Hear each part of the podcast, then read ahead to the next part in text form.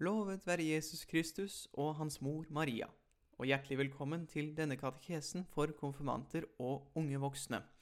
I forrige episode snakket vi om de syv sakramenter. Vi husker at et sakrament er et synlig tegn som gir usynlig nåde, og som er innstiftet av Vår Herre.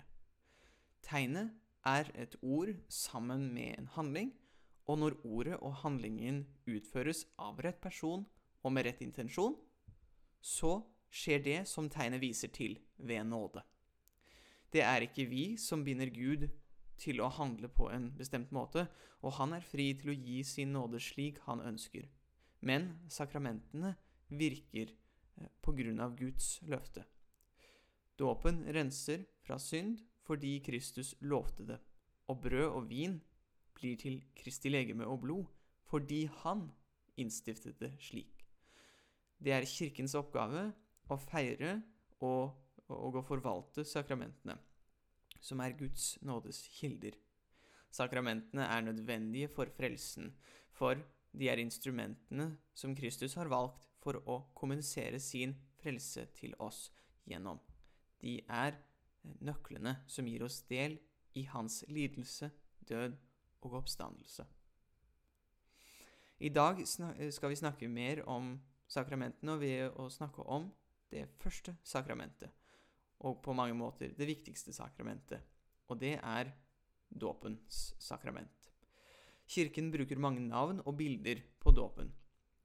Om dåpen sier vi at vi blir født på ny, døde og, og oppstandende med Kristus, Guds barn, at vi får Den hellige ånds gave, og at vi blir lemmer på Kristi legeme. Arvesynden, som alle er unnfanget med, unntagen Jesus og Maria så klart, gjør oss døde for Gud, under djevelens makt og utenfor Guds nåde. For arvesynd betyr at vi ikke unnfanges i rettferd, men i synd. Adam og Eva ble skapt i rettferdiggjørende nåde, i helliggjørende nåde. Men vi, eh, deres etterkommere, eh, fødes ikke med denne velsignelsen, men vi fødes i synd på grunn av Adams og Evas synd. Og vi må leve med konsekvensen av dette. Men i dåpen får vi nytt liv ved at Gud gir oss sin nåde og frir oss ut av syndens og djevelens makt. Vi blir lemmer på Kristi legeme, som grener på et tre. Så sant vi blir del av ham, har vi liv, akkurat sånn som en gren bare får vann og bare kan bære frukt hvis den er festet til trestammen. Dåpen renser oss fra all arvesynd og personlig synd, og lar oss begynne på helliggjørelsens vei som nye skapninger. Hva er da det synlige tegnet, og hva er formelen, eller ordet, som brukes i dåpen?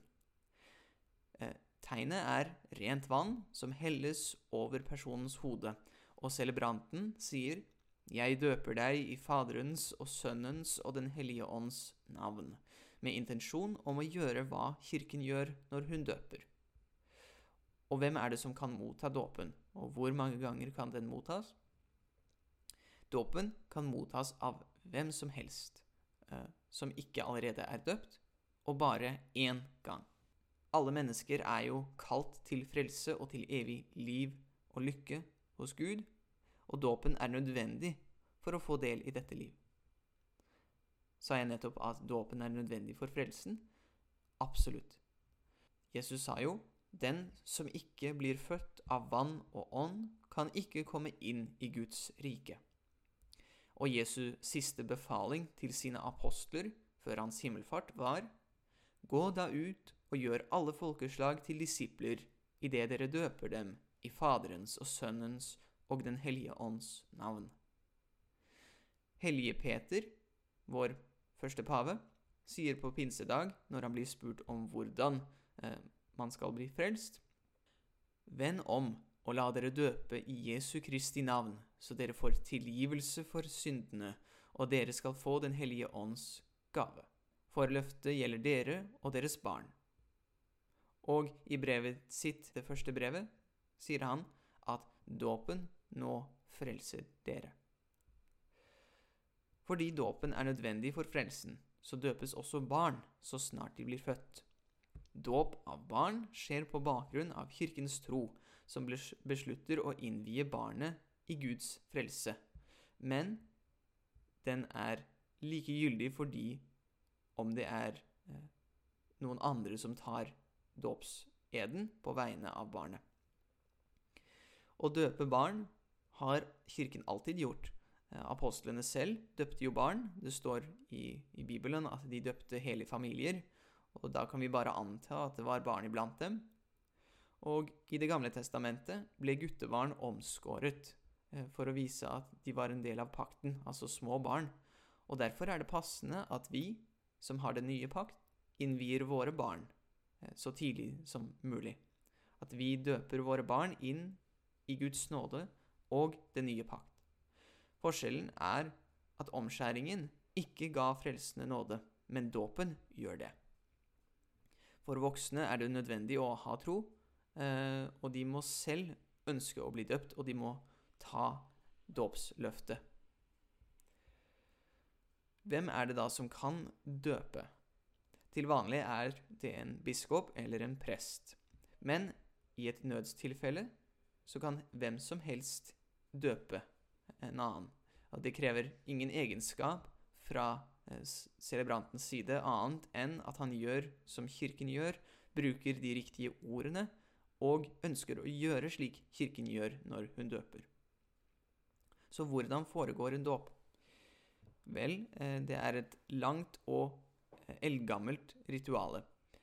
Barnets foreldre avlegger et høytidelig løfte om å oppdra barnet i troen, så det lærer å holde Guds bud og å elske ham og sin neste, slik Kristus har lært oss. Faderne lover så å hjelpe foreldrene i dette viktige oppdraget. Så ber presten en eksorsismebønn over barnet for å forvise djevelen og de onde ånder fra dets legeme. Denne eh, kampen mot djevelen føres videre i dåpsløftene. Alle som blir døpt, må nemlig avlegge et dåpsløfte. I barns tilfelle avlegges det for dem av foreldrene, fadderne og av kirken. Og dette løftet har tre deler. Presten spør Forsaker du Satan? Og kandidaten svarer Ja, jeg forsaker. Og så spør presten Og alle hans gjerninger? Ja, jeg forsaker. Og all hans prakt? Ja, jeg forsaker. Etter dette kommer trosbekjennelsen i tre deler. Først eh, tror du på Gud Fader den allmektige, himmelens og jordens skaper? Ja, jeg tror. Videre.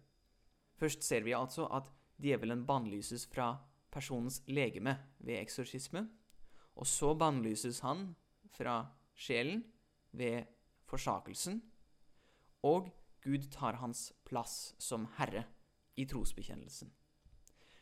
I kirkens tidligste tider var det vanlig å vende seg mot vest når forsakelsen fant sted, for vest er solnedgangens retning, mørkets retning, det ondes retning. Og så, etter å ha forsaket djevelen, vender de seg bort fra ham, de vender ham ryggen og vender seg mot øst, mot soloppgangen, mot lyset og mot vår Frelsers gjenkomst, for å avlegge trosbekjennelsen. Så døpes kandidaten i Faderens og Sønnens og Den hellige ånds navn. Hver gang vi gjør korsets tegn, så sier vi jo i Faderens og Sønnens og Den hellige ånds navn. Og det er fordi vi da minnes vår dåp, og de gavene vi ble gitt i den, og vi minnes vårt dåpsløfte, altså våre plikter.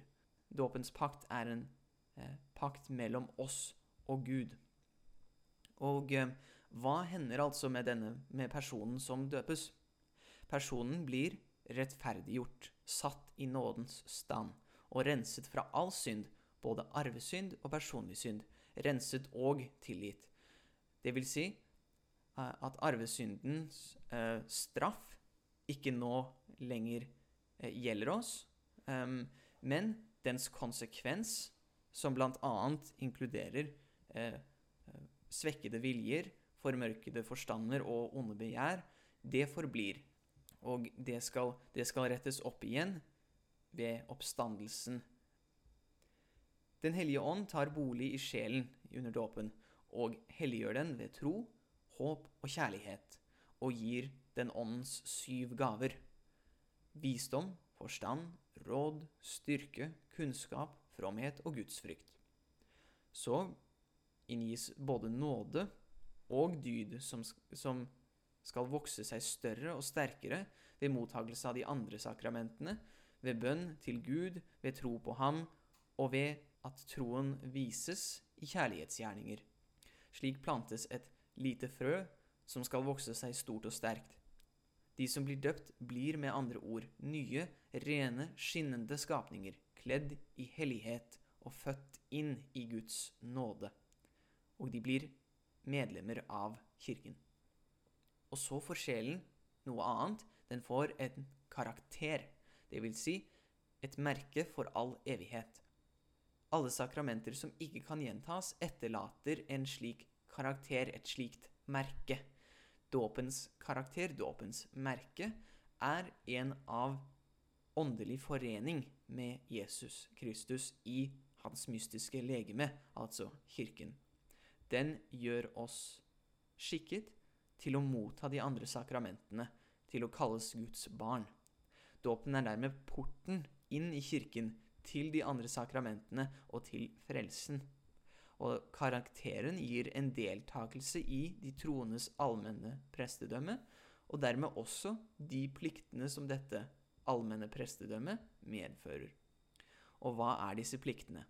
For det første å holde fast ved den katolske tro og lære. For det andre å holde fast og holde Guds bud. Og for det tredje å holde Kirkens bud. Trosbekjennelsen er en sammenfatning av den katolske tro, og de ti bud er en sammenfatning av Guds bud. Og de har vi snakket om tidligere, men jeg har aldri snakket om Kirkens bud før. Og Kirken har fem, og de fem lyder. Du skal gå til messe på søndager og festdager. Du skal skrifte dine synder minst en gang i året.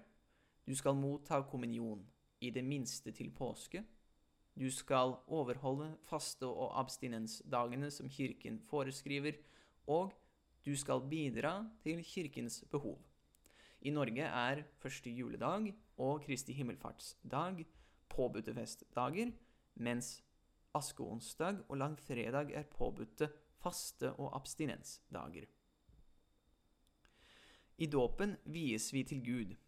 Vi mottar Hans tilgivelse, Hans frelse, Hans gaver, hans kall og hans merke, og dermed også en plikt til å forbli i Hans nåde ved å følge Hans bud, til å bruke de gaver Han gir oss til Hans ære, og til å streve etter vår egen og vår nestes helliggjørelse. Vend om og la dere døpe i Jesu Kristi navn, så dere får tilgivelse for syndene, og dere skal få Den hellige ånds gave for løftet gjelder dere og deres barn, i Faderens og Sønnens og Den hellige ånds navn. Amen.